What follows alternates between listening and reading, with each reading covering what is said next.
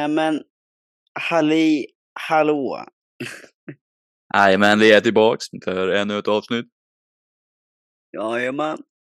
Eh, ja, vad har vi idag då? Men vi är väl på avsnitt åtta. Kan börja med, hur har din träning gått den här veckan? Eh, ja, alltså den, den går bra. Men jag har ingen riktig, inget riktigt driv just nu i träningen. Nej, Känner inte vadå så mycket för, känner inte så mycket för träningen. Eh, ja, alltså jag vill väl eh, egentligen inte träna som jag tränar just nu.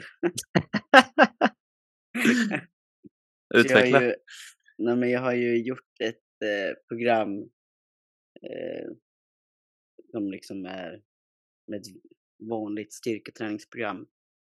Eh, Mm. Och jag har ju gjort, gjort det lätt för mig för att det är lätt att skriva ett sånt program. Ja, just det. Eh, Men jag vill träna lite mer, eh, ja men lite mer atletiska rörelser. Men jag vet inte riktigt hur jag ska eh, få ihop det än. Hur jag ska eh, sätta upp ett sånt program. Så jag håller på att fippla lite med det. Så det kommer väl eh, ihop någon gång snart. Eh, Mm. Men Vad är det du inte, vad är det du inte tycker är roligt? Alltså du tycker inte roligt att marka och så hålla på och sånt längre eller? Du vill vara mer? Eller vad är det som är tråkigt liksom? Och vad är det som du Alltså, tror det, känns roligare? Det, det är ingenting som är tråkigt riktigt. Eh, men det är bara så här. ehm, det känns bara inget. Så jag har inget driv för att sträva efter progression eller så. Mm, Så du bara just another day? ja men typ, jag går dit och sen så. Men när jag är väl där så blir det att jag försöker få ett rep till eller jag liksom försöker ändå ge allt eller vad man ska säga. Men det, ja, men det finns ingen lust riktigt. Nej. Det här kanske bara är på grund av eh, vana liksom, att du är van att ta i när man är på gymmet. Men känner du likadant eh, kring löpningen och så också? För har du sprungit något den här veckan? Men nu har jag ju varit sjuk, jag är fortfarande lite Ah. halvkrasslig. Så jag Alltså du har inte ju- kommit igång med den eller? Nej, eh, jag har gjort lite eh, kondition men har tagit det väldigt, väldigt lugnt. Ja. Eh, så det kommer väl igång, ja, hoppas på i slutet av veckan typ. Eller Ja. ja, början på nästa vecka. För den här veckan är snart slut. ja, jag tänkte, ja, imorgon. ja. ja, för mig har det det fan gått ganska bra den här veckan. Eh, om man följer mig på Instagram så har man ju sett att jag har kommit igång med löpträningen ordentligt nu. Så jag sprang både i onsdags och igår i fredags. Eh, men lite som dig så har jag bara börjat lite smått, så det är väldigt lätta pass. Eh, så jag bara satt att jag ska springa, alltså det är som recovery runs typ, kan man väl kalla det. Så lättare löpning med 20 minuter i zon 2, 3. Fast du har ju ändå legat i zon 2, eh, zon 3 och lite i zon 4. på dem. Ja, jag vet. Det är för att eh, nu, jag håller, jag håller ju på att försöka hitta min rutt liksom här där jag bor. Jaha, så det ska vara så lätt som möjligt att bara ut och springa liksom. Mm. Eh, och ibland så bara, åh jävlar vilken lång jävla backe det här var. Mm. Och så blir det lite jobbigare än planerat. Men eh, det har fan ju- gått jävligt bra. Man kan ju gå då. Uppför backen. Nej, jag kan inte göra det än. Jag har inte kommit så långt i löpningen. Men lite så som jag är också, alltså när jag börjar göra någon ny grej så här, så kollar jag ju upp väldigt mycket. För de som inte känner mig så är jag väldigt eh, obsessed med saker jag börjar med. Så när jag väl börjar med något som jag tycker är kul, då liksom djupdyker jag ordentligt i det och försöker bara lära mig så mycket jag bara kan. Um, så ihop med att jag börjat läsa nu så tajmade jag faktiskt ganska bra med att jag läste klart min bok som jag läste. Uh, för jag försöker läsa varje kväll. Um, och nu läste jag klart David Goggins andra bok. Eh, big recommend för de som eh, tycker att han är en cool grabb. Uh, man får insikt till hur han faktiskt är som person utanför sociala medier också och hur man faktiskt kan lära sig någonting av uh, att träna hårt. Men i alla fall, efter den boken så tänkte jag, vad fan ska jag läsa nu då? Men så kom jag på att jag har en bok av Anders Salkai. Salkai, jag kanske butcher hans namn, men han är i alla fall en av Sveriges mest främsta långdistanslöpare. Eh, och den Vem, boken lyckas... boken? Eh, Den heter typ eh, Vägen till långa maraton eller det första... Eh, Jag kan se om jag kan hitta den. Men jag vet i alla fall att jag köpte den på en second hand butik. Är det en ren typ ett, konditionsbok eller? Alltså är det, ja, den handlar bara om långdistans. alltså är det en är det faktabaserad bok eller liksom är det mer anekdoter eller liksom hur, vad är det för typ av bok? Eh, jag har inte kommit så långt in i den, men, men eh, han drar mycket från sina egna erfarenheter och sådär. Han vann Stockholm Marathon eh, något år, vilket gjorde att han blev känd, eller vad man ska säga. Eh, men han pratar mycket från egna erfarenheter och hur han coachar och sådär, eftersom han också coachar egna eh, utifrån sin egna erfarenhet. Men det verkar som att han också har eh, läst sånt här också. Men hittills har det varit mycket, mycket basic stuff liksom. Men den här boken ser jag nu när jag googlar, kostar 270 kronor. Det, är inte så jävla mycket. Men när jag köpte den på second hand, då kostade den mig 20 kronor. Men i alla fall, jag har börjat läsa den ihop med nu att jag börjat löpträna. Eh, och kollat mycket på YouTube och sådär. Och då såg jag igår, när jag kollade på en YouTube-video, det fanns någon dokumenterad formel som hette någonting fint namn. Men då var det 180 minus åldern. Mm. En ganska bra nivå liksom att ligga på i löpningen när man löptränar lätt. Mm. Eh, och det ligger lite närmare för mig än vad zon 2 enligt min klocka är.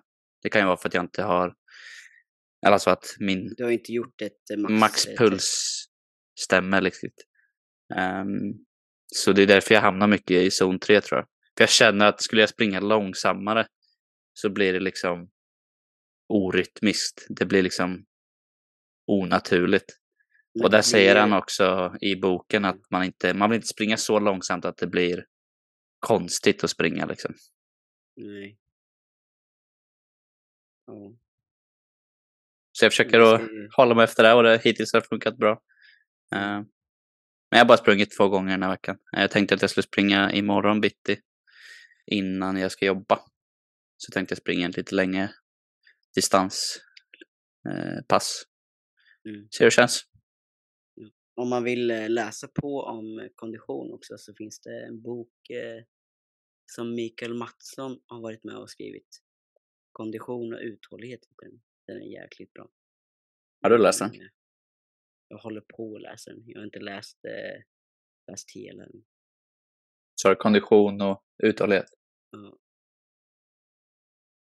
Ja.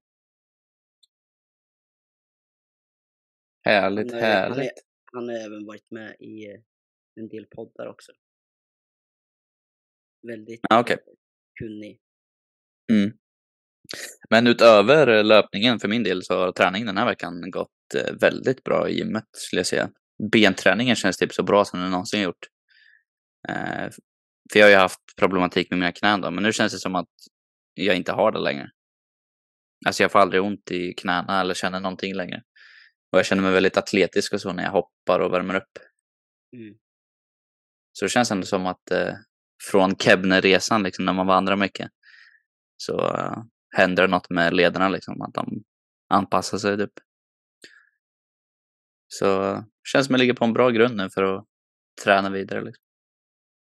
Bara se till att inte ta det för... Eh, eh, att göra för mycket för snabbt nu då. Ja, Så att eh, inte får någon... Eh, går tillbaka liksom. ja. ja, men det ska nog gå bra. Så här bra har det nog aldrig känts innan. Liksom. Det har också varit väldigt roligt den här veckan att börja med löpningen, för jag försöker träna min löpträning innan jag börjar plugga. eller innan jag ska göra det första jag gör på dagen. Liksom. Så jag har gått upp ganska tidigt för att löpträna. Och det är för jävla roligt att löpträna tidigt och se folks blickar som tänker vad fan gör den här snubben uppe så här tidigt och löptränar för? så man bara taking souls som David Goggins säger liksom. Ja, så i...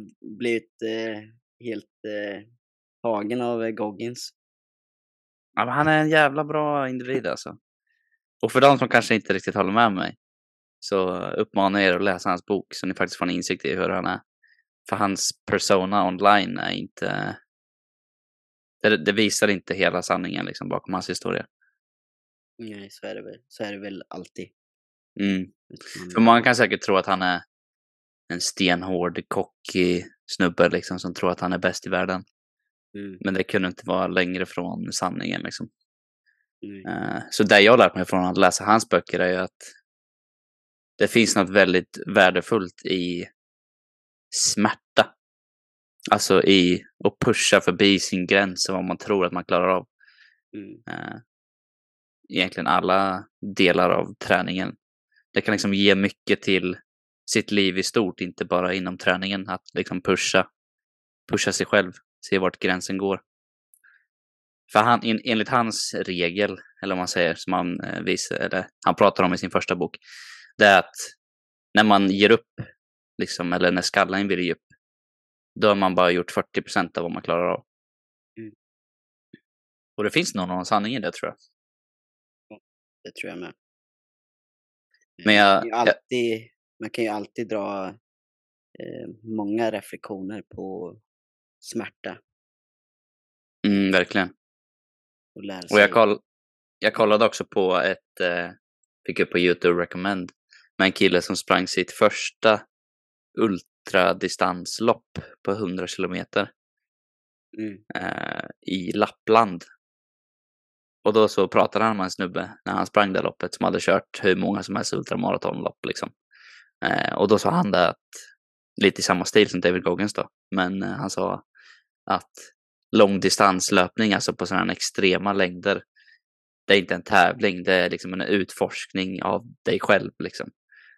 Mm. Vart går gränsen och hur mycket klarar man av liksom. Och det känns ändå som att det finns något, för mig i alla fall finns det något väldigt roligt och intressant med att se vad det är de pratar om. Liksom. För jag har aldrig sprungit sådana distanser eller sådär.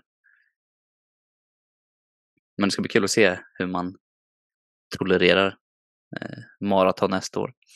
Ja. Du, du ska springa maraton nu? Ja, men det du... tänker jag. Ja, kul. Ska du springa samma ja. som mig eller? Ja, tänker jag. Det är väl kul att göra det ihop. Ja. Har du satt ut något... Äh, ja. Har du satt något äh, mål för vilken tid du vill springa?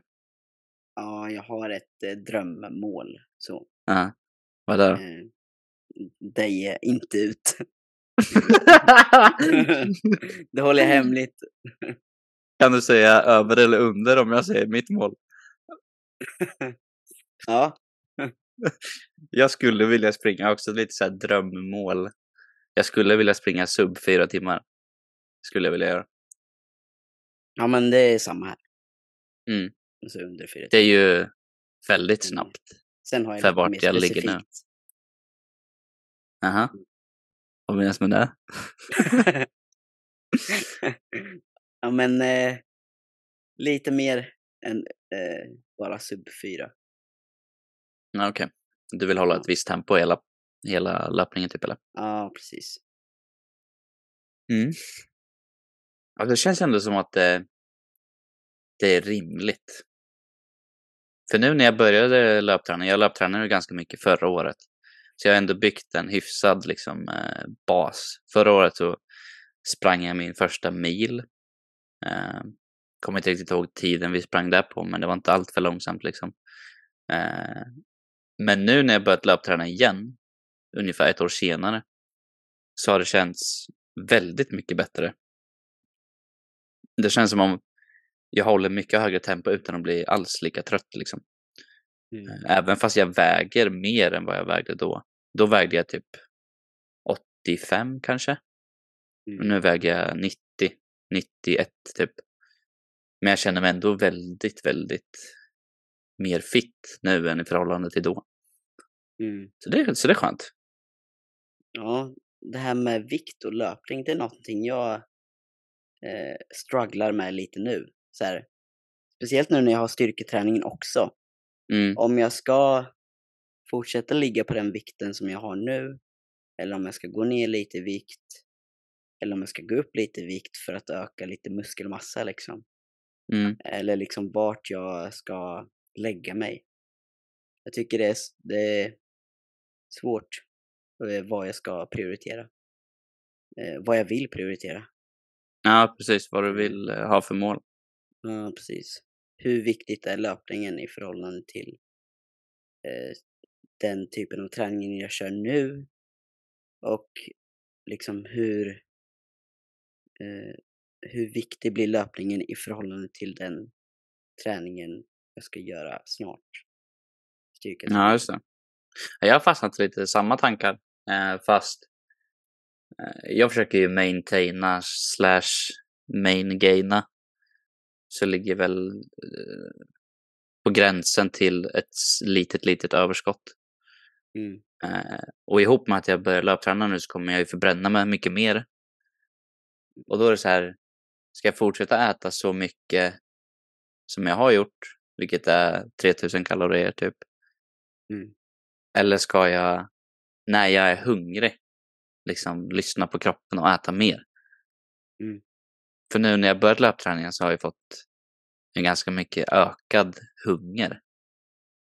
Vilk, vilket också har lett till en jättekonstig grej som jag måste dela med mig om. Okej. Alltså sen jag började köra mitt löppass i onsdags Ja. så har jag fått en otroligt... Jag känner alla dofter liksom. Mitt luktsinne har blivit skitbra. Det är jättekonstigt. Jaha. Så jag vet inte, alltså jag kan gå runt så här i lägenheten eh, och bara, vad är det som luktar liksom? Och så frågar jag min sambo och bara, men kände du vad som luktar? Och hon bara, nej det luktar ingenting. Och jag bara, jo det luktar massor.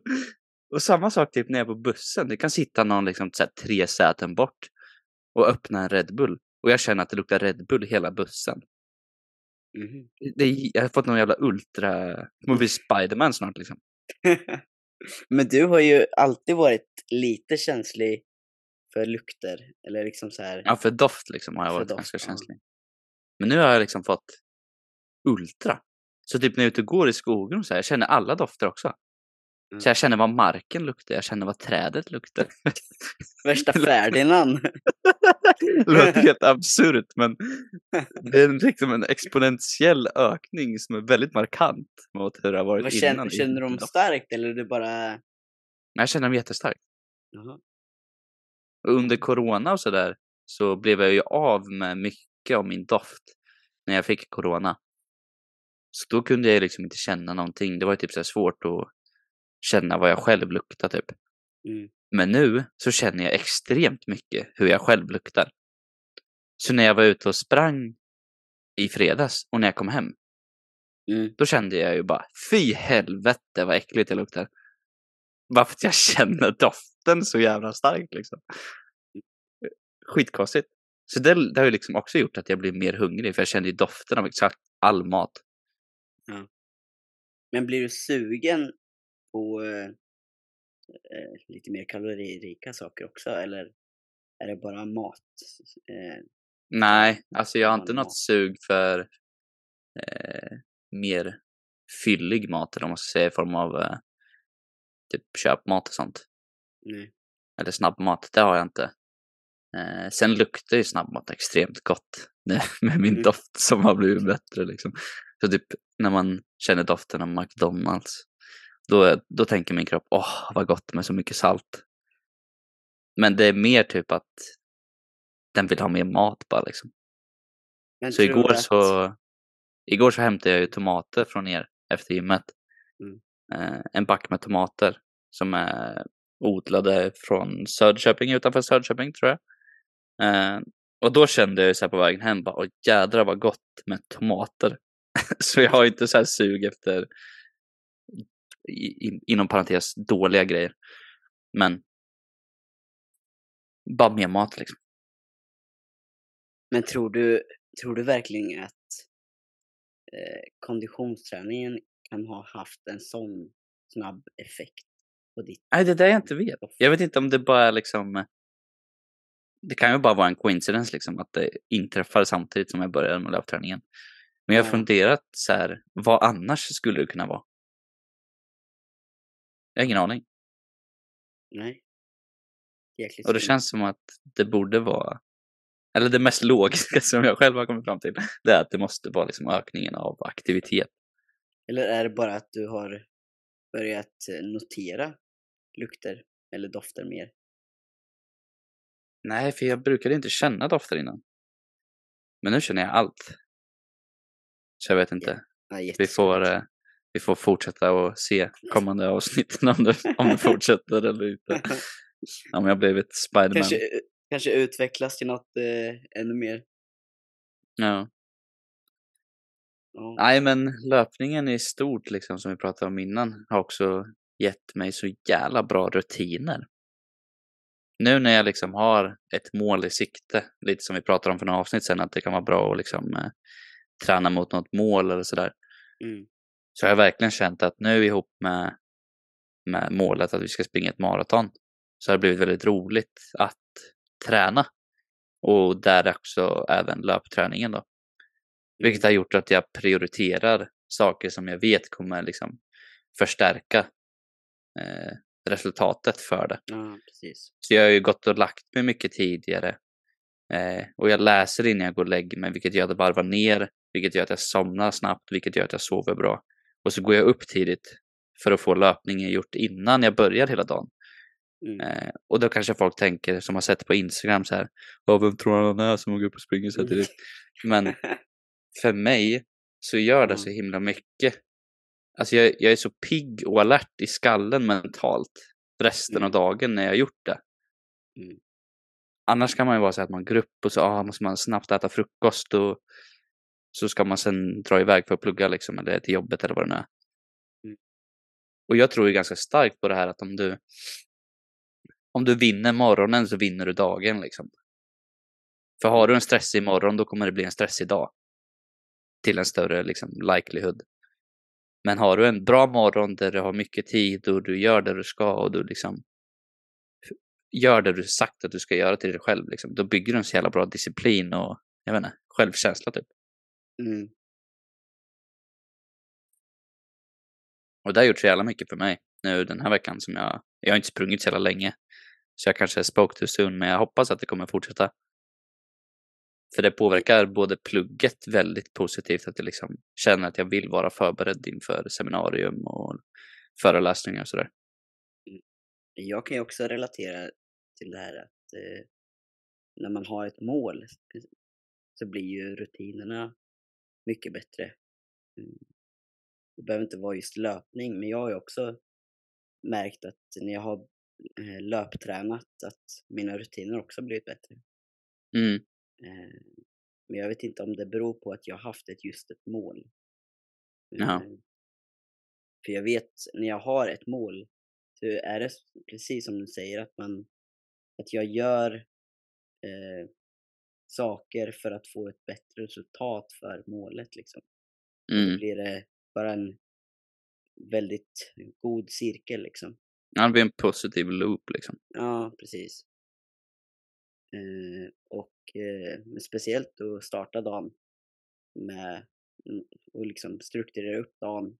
kan ju vara att Mm. strukturera upp dagen kvällen innan och veta vad man ska göra och vad man ska prioritera när liksom.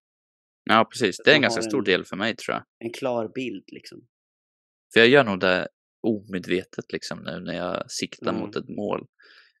För jag vet ju att jag har ett, ett helt klart schema i skallen liksom. Det här ska jag göra idag. Mm. Och då blir det också så här att allting, jag vet inte, man går inte runt och oroar sig om att man inte gjort någonting. Man vet att man har gjort allt man ska Ja, göra liksom. precis. Så det skapar ett väldigt positivt och starkt mående liksom. Mm. Och det bygger ju in i det här med disciplin. Ja. Alltså det, det blir ju en naturlig disciplin på något sätt. Mm. Det blir inte någon sån här, eh, men, den här hårda disciplinen att gör jag inte det här så är jag värdelös. Utan det blir en disciplin för att man vill göra någonting. Alltså man vill Ja, men precis. Man påminner sig själv att jag vill göra det här. Ja, precis. Och då blir det mycket lättare. Ja. Mm. Så lite den känslan du pratade om kände jag i fredags morse. Eller om det var, ja det var nog i fredags morse. Jag gick upp väldigt tidigt då för jag började skolan klockan åtta och då måste jag ta bussen klockan sju. Så då gick jag upp klockan fem för att Mm. kunna springa innan skolan. Och när jag vaknade så kände min kropp, eller så här första tanken när man vaknar Mm. som var så här, åh, vad jobbigt. Mm. Ja. Men när jag väl gick upp liksom, käkade min korta frukost innan och sen gick jag ut och sprang. Det regnade dessutom ute. Mm. Om jag hade liksom funderat över att det regnade ute och allt sånt innan jag gick ut och sprang, då hade jag ju inte gått ut och sprungit. Nej. Men jag hade liksom sagt till mig själv, ja men nu ska vi ut och springa. Så jag vaknade ju bara, gick på toa, käkade frukost och sen tog jag på mig löparskorna och gick ut och körde. Och det kändes så jädra bra. Jag vet inte, Mm. jag, jag har ju aldrig varit en liksom, morgonmänniska innan och gått upp så här speciellt tidigt. Utan jag har alltid tyckt om att vara uppe senare på kvällarna. Men nu den här veckan har jag verkligen insett hur bra jag mår mentalt av att gå upp tidigt. Mm. Jag inte, det är någonting som bara känns så jävla bra med att gå ut och springa i regnet en fredag morgon klockan 20 i sex. Mm. När ingen annan är uppe. Ja, precis. Det känns så jävla den bra. känslan, det, den känslan är eh, otrolig. Alltså att göra någonting när inte så många andra gör det typ. Mm. Eh, Och det är inte så här att man känner att man är bättre än alla andra. Det är bara Nej. så här, inte så många skulle gjort det här liksom. Ja, precis. Eh, Och då bygger man ett bra självförtroende och liksom så här, jag Ja. kan. Och det leder ju också in i liksom sin disciplin att eh, om det är någonting som du mår bra av och som känns kul så är det ju mycket större sannolikhet att du kommer göra det igen. Mm, Och då bygger man den här disciplinen liksom. ja. För hjärnan kommer ju Mm. komma ihåg det att jag tyckte att det var jobbigt innan jag gick ut och sprang. Men sen så mådde jag bra efteråt.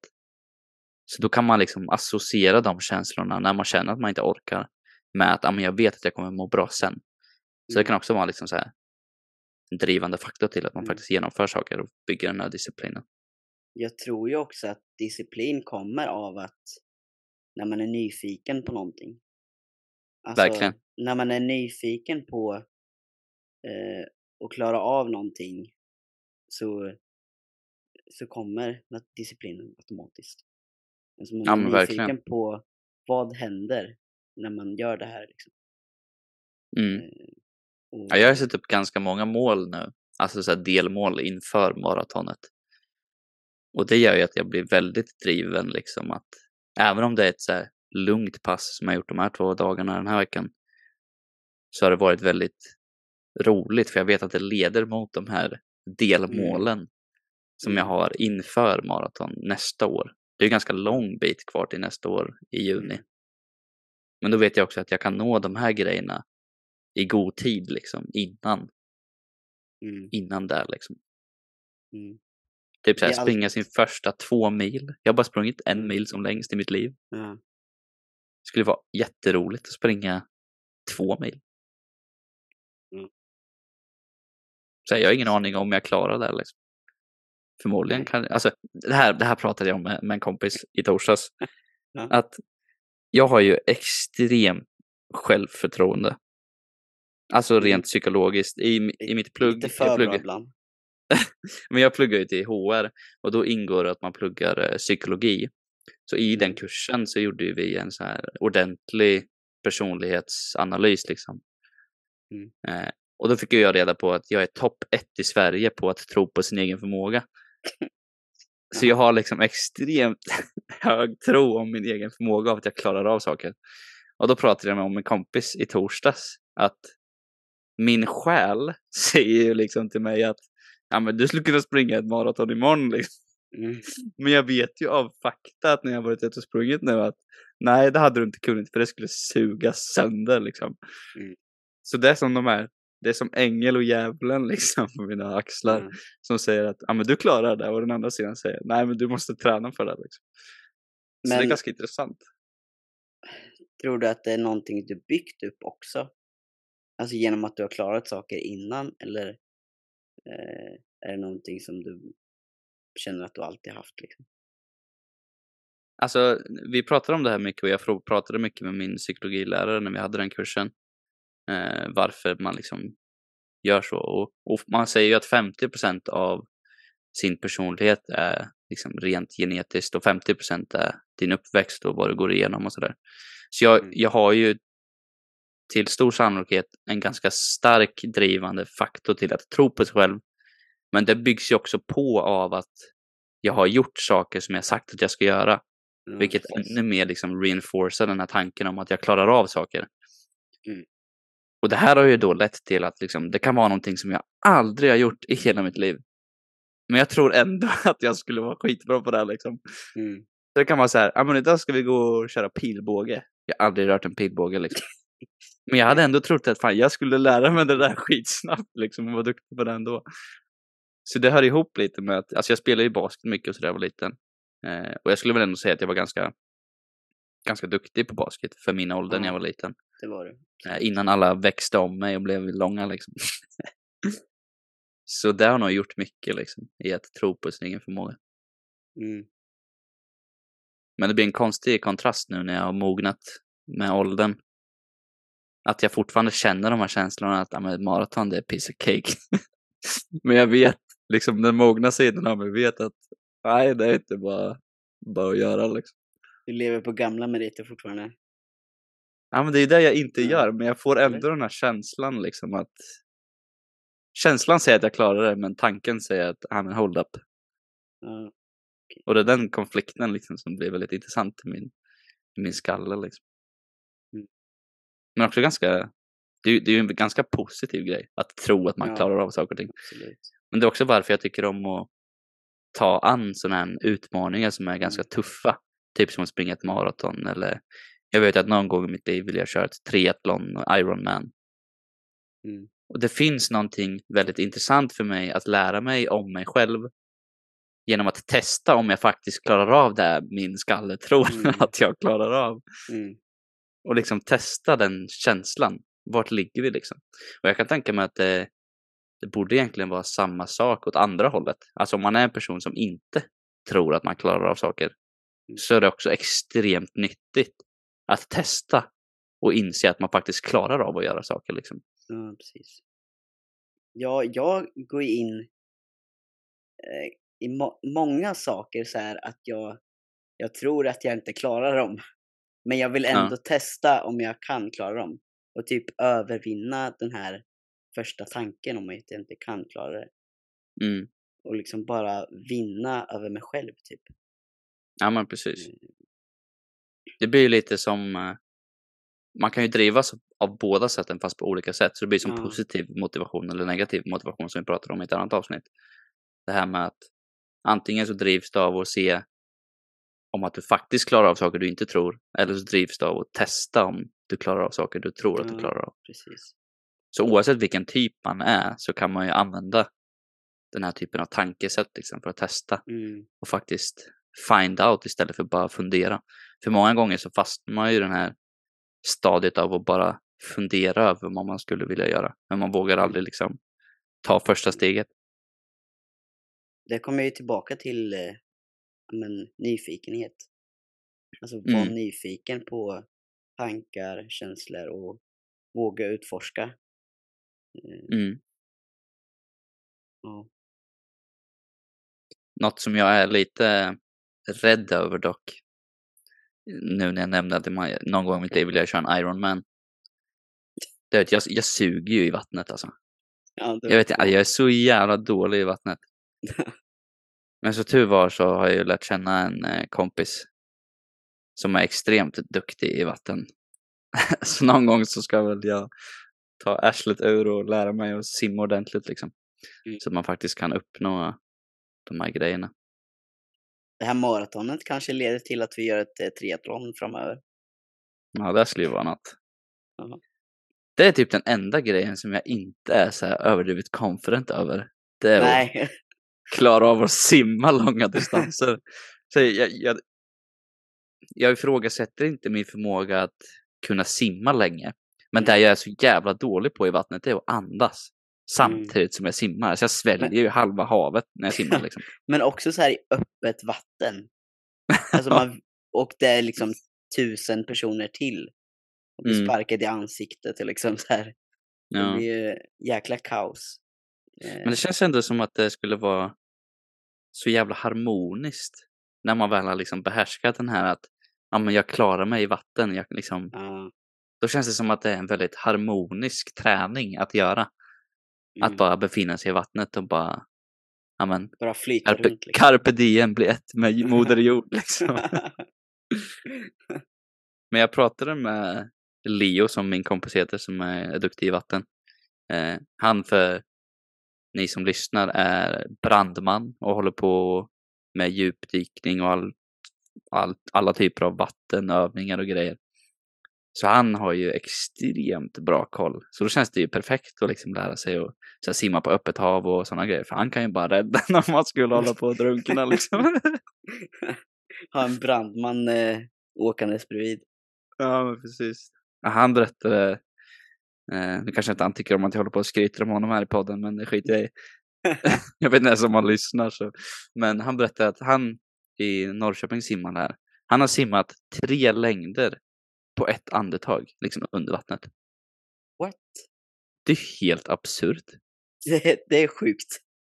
Va? Alltså det, det är så här, what the fuck? Jag tänkte ju när jag var liten och vi var i Spanien så vet jag att jag tävlade med pappa, vem som kunde simma hela längden en gång under vattnet. Och när jag klarade det, jag bara yes! Ja. Men han har alltså gjort det fram, tillbaks och fram tre gånger liksom. Det är helt sjukt. Är det 25 eller 50 meter då? Är det 25? Ja. Så det blir 75 meter liksom under vatten på ett andetag. Åh oh, jävlar. Han berättar också om så här övningar de kör längst ner på botten så att för de har ju så här som man kan andas i sån här tub, jag vet inte vad det kallas. Mm. Eh, så då så här, en av övningarna är att jag, han tar den, andas och sen tar han av sig den och ger sig den till sin kompis som ska mm. andas. Och så håller han andan under tiden. Fy mm. fan vad obagligt. Jag skulle få panik alltså. Ja men det är ju det. Det är också det som är så jävla intressant med liksom simning. Det är att mm. det är en sån jävla kombination mellan att slappna av för att inte förbränna syre. Ja, precis. Snabbt. Men samtidigt som vi ändå måste liksom komma framåt.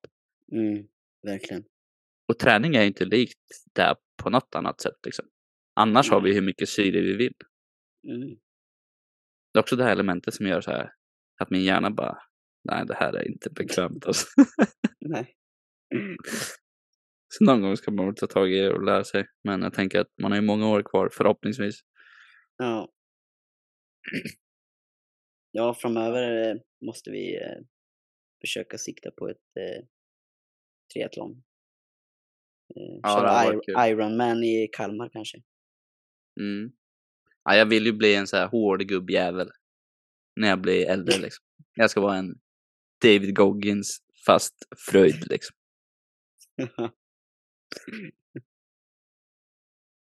Du har ju snackat där med eh, om, eh, eh, vad heter det? Att eh, med Goggins, att han använder det som eh, sitt mantra typ. Ja, just det. Just det. Han, eh, och att hur du har applicerat det nu. Mm. Du kan ju berätta lite om det. Absolut. Ja, det var länge sedan jag använde just eh, det tankesättet med David Goggins, men det som André pratar om här är att i David Goggins, jag tror det är hans första bok, skulle kunna vara andra också, men jag tror det är första, så pratar han om hur han använder sitt efternamn som ett alter ego liksom. Så när hans känslor tar över och man börjar tänka så här, ja men det här är fett jobbigt, jag orkar inte gå upp idag, jag vill inte, jag vill bara ligga kvar i sängen. Liksom alla de negativa tankarna som säger att man inte borde göra det man har sagt att man ska göra. Ehm, det är liksom David, som han förklarade, det är hans förnamn. Men den personen som liksom vill göra saker som, som är kapabel till att uppnå de här sjuka målen som han har gjort, det är Goggins liksom. Så varje gång han ska göra något riktigt svårt och som kräver mycket mental styrka, vilket liksom att skapa disciplin och så är också mycket mental styrka. Men då använder han sitt efternamn och säger så här, men Goggins klarar det. Goggins är, en, Goggins är den här personen som gör det här. Och liksom anammar den personligheten för att lyckas och klara av att göra de här tuffa grejerna. Eh, det var ett tag sedan jag använde det, men jag använde det mycket när jag tränade igenom min knäsmärta. För lite som vi pratade i tidigare avsnitt så är det att när man ska träna förbi smärta så måste man liksom man måste relearn pain. Du måste lära på nytt vad som funkar för att smärtan ska försvinna i vissa fall. Och för mig så var det mycket så att vissa övningar gjorde ont i knät. Men jag visste att det inte blir sämre på grund av det. Utan att det är nyttigt att ändå träna sig igenom det här. Och då vissa dagar när jag tyckte att det var väldigt jobbigt att träna ben så sa jag till mig själv så här. Det här är Samuel som känner de här tankarna. Men Fröjd, han kan, han, han gör det här. Mm. Eh, och det funkar faktiskt väldigt bra. Mm. Eh, om man faktiskt tror på det man intalar sig själv och det är ju hela grunden av det så att säga. Det, så jag tror jag liksom kommer, jag tror jag kommer använda det när det blir jobbigt liksom i mm. andra delar av livet. Eventuellt på maratonet vi ska springa. Ja, men det finns ju mycket positivt med att eh, skapa ett alter ego eller liksom ett mantra där du kan se dig själv utifrån och du inte hamnar i dina egna tankar. Mm. Utan du placeras någon annanstans. Liksom. Du, eh, du blir typ ditt framtida jag på något sätt. Typ. Mm, precis. Eh, istället för att hamna i det jobbiga där och då. Mm. Han pratar ju mycket om just att det är okej okay att känna de här tankarna för det är, liksom, det är ju ändå du. Mm. Men att det är väldigt nyttigt att kämpa igenom de här tankarna. Alltså känna känslorna men inte låta dem bestämma. Ja, precis. Eh, och han har ju kopplat ihop lite det du sa med mantra och det här alter egot. För hans mantra är att han ska vara den, han, han vill vara den här topp 1% av 1%. Det säger han flera gånger i sin bok, att han vill vara uncommon among uncommon men. Så han vill liksom vara ovanlig bland en folkmassa som är ovanlig redan. Så där har han liksom kopplat ihop med sin Goggins. Att Goggins är liksom one of a kind. Och han klarar att göra tuffa grejer liksom.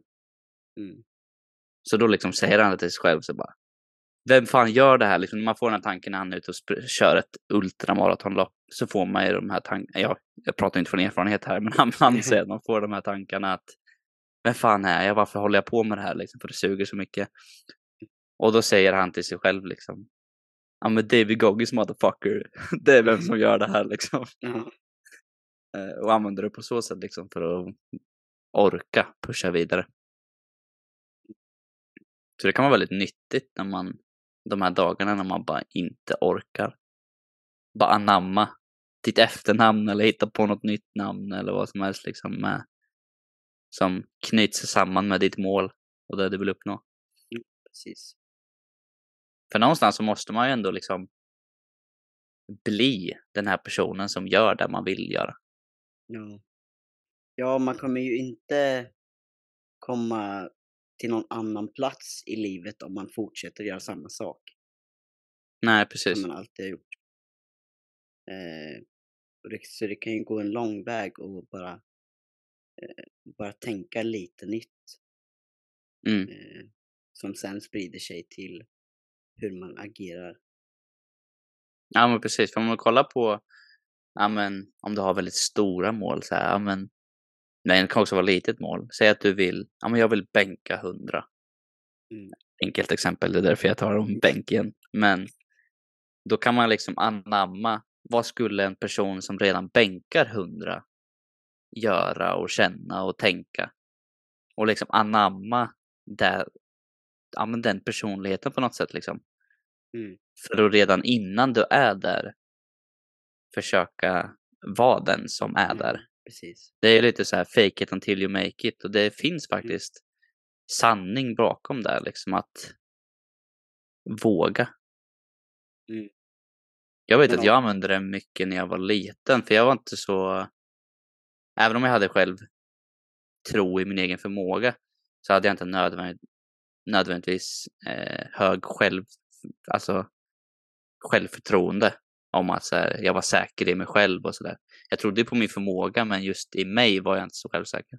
Och då vet jag att jag när jag var ung, alltså väldigt ung, typ 12, 13, 14, när man liksom ska hitta vem man är i världen. Då använde jag det mycket så här, bara fejka. Bara, men jo, jag är visst as självsäker liksom, även fast jag inte var det liksom. Tills man blev det. Mm.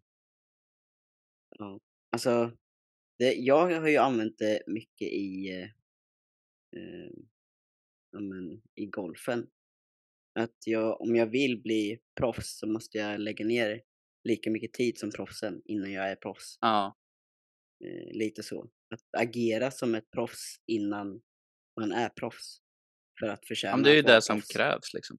Ja, det är det som krävs. Ja. Mm. Det blir lite samma sak när man ska springa ett maraton. Vem är en person som springer maraton? Ja, Mm. men han har nog förmodligen inte problem att gå upp tidigt för att löpträna innan för att få in träningen. Nej, precis. Så då gör jag det liksom. ja, det finns mycket att hämta där. Eh, Egentligen vill man ju bara, det här är ju bara ett verktyg liksom. Och det kanske låter jättekonstigt för vissa som lyssnar, men det får väl vara så. Mm. Men det är ett verktyg liksom som man kan använda precis som alla andra verktyg. För att just skapa disciplin, Mm. skapa tro Och- på dig själv. Och med det här att göra saker för att komma till, till ett mål och eh, att släppa förväntningarna om att du måste eller att du kommer komma dit bara för att du gör det här. Mm. Men att ändå göra det här jobbet eh, utan att veta att du kommer komma dit. För det är ingen som vet om du kommer komma dit egentligen. Alltså beroende på vad Mm. det är för mål såklart. Men att ändå bli bekväm i att göra jobbet eh, trots att man inte vet om man kommer komma dit Mm. man vill. Det här, är, det här pratar Dave Goggins väldigt mycket om i sin andra bok. Hans andra bok är liksom den mogna varianten av David Goggins. I hans första bok är han ganska och sådär, men i andra boken, nu är han ju lite äldre och sådär, då pratar han mycket om det. För han sprang ett lopp som kallas för Moab 240. Så då springer man 240 miles och du har tre dagar på dig att göra det. Mm. Eh, och då sa han det att jag tränar inte för att klara det första gången, eller andra gången, eller tredje gången. Men jag tränar för att klara det. Oavsett hur många försök det tar liksom. Mm. Så där är han ganska liksom big på att liksom, han kanske inte klarar det första gången, men han, han jobbar ändå liksom. Ja, precis. Ja, Och det är lite så med, det är lite så med styrketräning och så också. Mm. Många förväntar sig att det ska, att det ska gå snabbt, för det går snabbt i början. Mm. Men sen så går det lite långsammare och då kanske man måste Mm. hitta sig i processen snarare än i resultaten. Liksom. Ja, men precis, verkligen. Eh, att hitta, hitta de här eh, drivkrafterna i processen snarare än målet. Och bara ha det här målet som någon slags, eh, vad ska man säga? Kompass. Över, ja, men en kompass, ett övergripande, eh, en övergripande drivkraft. Mm. Men det är inte det som, som styr vart du tar dig typ. Eh, eller vilken, Nej, precis. Och lite del av att lita på processen, är inte bara resultaten. Det kan ju vara att när man är, när man är ny i gymmet så associerar man ganska mycket av sin träning till hur, hur den känns. Mm. Eh, och då pratade jag och Andrea lite innan vi började podda idag om att många nya känner så här, ja men jag har inte träningsverk här som jag tränade igår. Jag har inte träningsverk i ryggen även fast jag tränade rygg igår. Och- Och då är det så här, måste man ha träningsverk för att utvecklas? Mm. Och det måste du inte. Mm. Många kanske tror det, men man måste inte ha träningsverk för att ändå få en adaption. Det kan ju vara en indikator på att du träffat rätt muskelgrupper. Men eh, som sagt, det behöver ju inte vara det. Eh, Nej. och speciellt, alltså många strävar ju efter känslan i en övning. Att de ska Mm. känna kontraktionen eller att eh, bicepsen spänns liksom. Mm. Eh, och det behöver man inte göra liksom alla gånger. Nej, För du kommer, bicepsen kommer jobba ändå. Mm. ja men precis. Det är ju så att våran kropp kan ju inte inte jobba när vi sätter den i situationer som Mm. den är fördelaktig för att utföra det här jobbet liksom. Ja, precis. Vi säger ju inte här nu, vi- vi vill inte att ni misstolkar oss, vi säger inte att det är dåligt om ni känner muskeln. Det är jättebra om ni känner muskeln. Mm. Men det behövs inte för att fortfarande liksom progressa. Mm. Det är inte en vital del av muskelbyggning och styrketräning liksom. Att det ska kännas och att du ska få träningsvärk. Även om det i många fall kan bli en bieffekt av Mm. träningen. Fysiologin är ju inte baserad på känslor. Eh, Nej, vad som händer i kroppen fysiologiskt eh, liksom i, i en muskel Det är inte vad som eh, stämmer överens med vad man känner alla gånger. Nej. Och det är ju också lite om man ska blanda det här området med disciplin och sådär. Att många gånger när man är jättesliten eller man upplever sig vara väldigt sliten och känner sig trött och sådär. Då kan man lätt gå till den här tanken att ah, men det kommer bli ett dåligt pass idag. Men många gånger om man bara vågar liksom ta steget och köra passet ändå och vågar ta i och pusha. Så kan det vara de, några av de bästa passen man någonsin får till. Och det beror ju oftast på det här igen eh, med förväntningar. Mm, Att man, man kanske inte förväntar sig att man ska ha ett bra pass då. Och så Mm. eh, ger man ändå allt och så blir det ett bättre pass än förväntningarna. Och eh, Mm. det är förväntningarna som skapar de här känslorna upplever jag många gånger. De ja. här f- ja, oftast negativa känslor. Eh, för att man inte når upp till sina förväntningar. Ja. Det är ju bättre att istället tänka på att utföra efter sin förmåga liksom. Mm. För även om du är trött, även fast du är pigg, även vad vad, så ska du ta i och göra det ordentligt liksom. Det är ju någon Mm. liksom gemensam nämnare till alla bra pass man någonsin kommer ha i sitt liv liksom. Det är att man måste försöka. Mm. Måste liksom vilja ta i. För det är jobbigt att ta i. I vissa fall. Inte när det bara allting går jättebra och det känns jättelätt och kanske inte lika jobbigt. Men ni förstår nog vad kommer- jag menar. Det kommer nog vara jobbigt oavsett tror jag.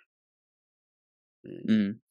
Det är ju aldrig någon gång som jag har känt att det är lätt att ta i. Tror jag. Eller alltså gå nära eh, sitt max. Jo, men jag kan nog känna så ibland. Att när liksom förhållandena och äh, stjärnorna aligns så kan det kännas väldigt lätt att gå till fail. Men det är ju Ja, bara mm. ibland liksom. Alltså jag kan väl känna att det är lättare än vissa gånger än andra gånger. Mm. Men det är aldrig liksom... Alltså jag kan ju ska, skapa de här förhållandena för att det ska... Eh, för att jag ska våga pusha mig dit Mm. och inte ge upp tidigare liksom. Men ehm, det är aldrig lätt för mig i alla fall. Nej. Ja, lite när vi kommer in på hur, hur man mår och hur man associerar till träning och sådär. Så spelar ju kost en ganska stor del av det här. Mm. Och jag tror att ganska många inte riktigt vet hur det känns att träna när du har ätit för lite. Mm. Man kan, alltså många kan nog känna igen sig i att det inte känns bra att träna när man har ätit för lite. Mm. Men de kanske inte riktigt har koll på specifikt vad som händer när man inte har ätit framförallt Nej. kolhydrater. Då. Och Ja. druckit också. Ja. Mm. Och det kan ju visa sig på lite olika sätt. Jag vet att när jag deffade förra sommaren eh, och alltså åt i ett underskott medvetet. Eh, då kan man ju få så att när du försöker ta i nära fail så blir du yrslig och nästan svimmar. Och om du inte liksom vet att det är en vanlig grej som sker när man ligger i ett underskott. Ja, du Eh. låg ju ganska djupt i, en, i ett underskott också. Du hade gått länge, ganska länge i dieten också. Mm. Eh, Men eftersom jag visste om att det kanske skulle bli så, så blev jag inte så här hold up, vad händer nu när jag blev yrslig? Eh, men det kan också vara en indikator på att om du inte riktigt mäter din kost och sådär och har koll på vad du äter. Om du blir yrslig ett pass, då kanske det är dags att börja kolla på men vad äter du faktiskt egentligen? och när? För det, det är inte normalt, eller det är inte vanligt att man blir yrslig när du försöker ta i. Nej. Utan det, liksom, så ska det inte vara större Nej. delen av tiden. Nej, det beror också på hur, hur nära du äter och vad du äter. Alltså eh, innan träning då. Så, eh, Mm. Innan träning vill du ju gärna ha något lättsmält som kan eh, komma snabbt ut till blodet. Men Mm. ändå att du håller någon någorlunda eh, blodsockernivå. Ja, Eh, för blodsockerfall är också något som kan eh, vara ganska vanligt. Och det har Mm. ju ihop med y- lite yrsel. ja, Och att man kallsvettas eh, kan också förekomma. Eh, beroende på när och hur, hur, eh, ja, hur mycket du har ätit och när du har ätit. mm. Och det här i relation till hur mycket man inom parentes borde äta. Det är ju väldigt individuellt beroende på hur hög aktivitet och så du har. Mm. Alltså för en person som har extremt hög, hög aktivitet, liksom har ett väldigt aktivt jobb, tränar väldigt mycket utanför jobbet, rör på sig hela dagarna. Den kommer behöva äta signifikant mycket mer mat än vad en person som har ett kontorsjobb och som går till gymmet två gånger i veckan behöver äta. Mm. Så man kan liksom inte jämföra med någon annan om man äter för mycket eller för lite. Nej. För jag vet ju till exempel att när jag är i skolan och tar fram min matlåda, då säger folk åh vilken liten matlåda du har. Bara för att jag Mm. har en ganska stor matlåda liksom. Mm. Men det är ju i förhållande till dem. Mm. Jag äter inte överdrivet mycket, men heller kanske för många kan det också anses vara mycket att äta 3000 kalorier. Beroende på vart man ligger liksom eh, och hur mycket man själv rör på sig. Och när vi pratar om ordet mycket i den här kontexten så är det ju hur mycket kalorier och inte hur mycket volym eh, som är på tallriken. Ja, Eh, för det är någonting som jag eh, upplever väldigt många eh, tar, tar fel. Att mycket volym eh, är lika mycket, liksom, eh, har ett samband med hur mycket kalorier du äter. Mm, Eh, och eh, för ja, 100 kalorier nötter är ju inte samma sak som 100 kalorier eh, eh, ris exempelvis. Nej precis. Du kan ju bara jämföra potatis. ris och potatis. Ja. Ja, precis. Ris är ju mycket mer kalorifylld Mm. per liksom yta, Mm. per storlek än vad en potatis är. Så sånt kan ju också vara värt att kolla på om man tänker så här, ja men jag äter asmycket hela tiden. Bara för att liksom magen blir ju full om du äter väldigt fylliga saker som en potatis eller som liksom inte är så mycket kalorier per volym. Och då kanske du går runt och tänker, men jag äter svinmycket. Mm. Men kalorimässigt så kanske det inte är så mycket som din kropp faktiskt behöver. Eller så är det tvärtom. Ja. Att du äter mer kalorier. Du äter väldigt mycket kalorier men du känner inte mätt. Så då har du omvänt det där. Du har eh, Ja, precis. väldigt mycket kalorier för lite volym liksom. Ja, du kanske känner att jag äter ju ingenting. Mm. Fast om man skulle räkna på kalorierna så kanske du ligger i ett överskott ändå. Eh, Mm. Så jag tycker ju att det kan vara ganska nyttigt om man är seriös med träningen att i alla fall någon gång kolla, men vad äter jag på Mm. en dag?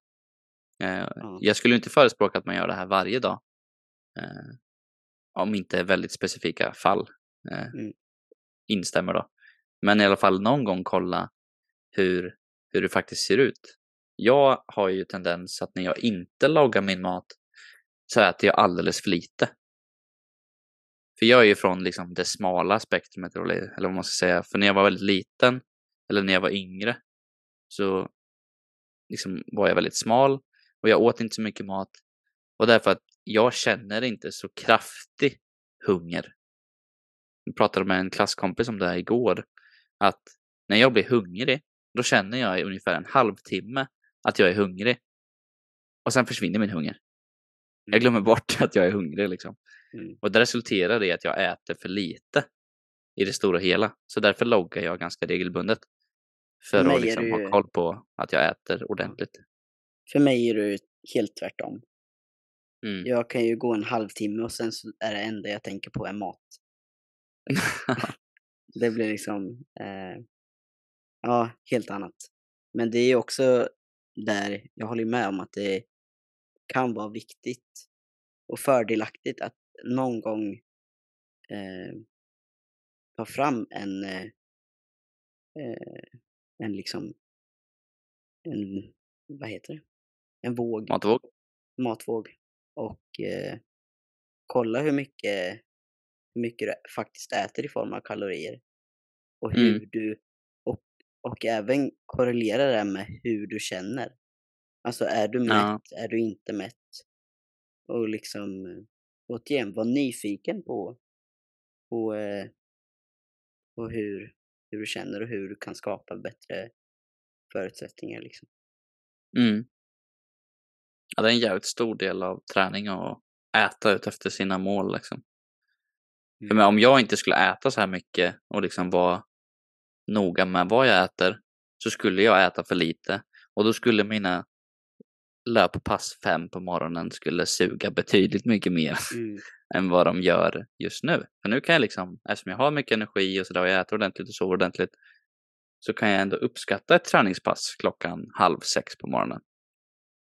Och det gör man inte om man inte har de här basic stuff liksom i schack. Mm. Så big recommend att göra det i alla fall någon gång för att få reda på lite vart man eh, ligger och ja, men det kan optimera träningen väldigt mycket och göra att du får mer ut av träningen. Mm. Så tycker du redan att träningen är väldigt rolig så kan den bli ännu roligare om du faktiskt mår bra. Ja, precis. Ja, Så big recommend. Och det är väl Eh. någonstans vi avslutar idag kanske. ja. Tror vi har snackat en, eh, nästan en timme nu. Ja, Mm. Men det blir lite gött snack om motivation, disciplin. Lite för kost. Och lite skitsnack. Ja, och lite alter ego. Hashtag Goggins. Ja, Ja. men tack för dig som har lyssnat. Om du tog dig igenom hela avsnittet. Eh, Vi uppskattar all typ av feedback vi får. Så har, är det något du tänker på som vi borde prata om eller något som vi kan göra bättre så tar vi glatt emot den kritiken. Mm, Eh. Om inte så jag hoppas på att du har en eh, fördundrans kommande vecka av träning. Och även kost då. Tack för oss. fint. Hej.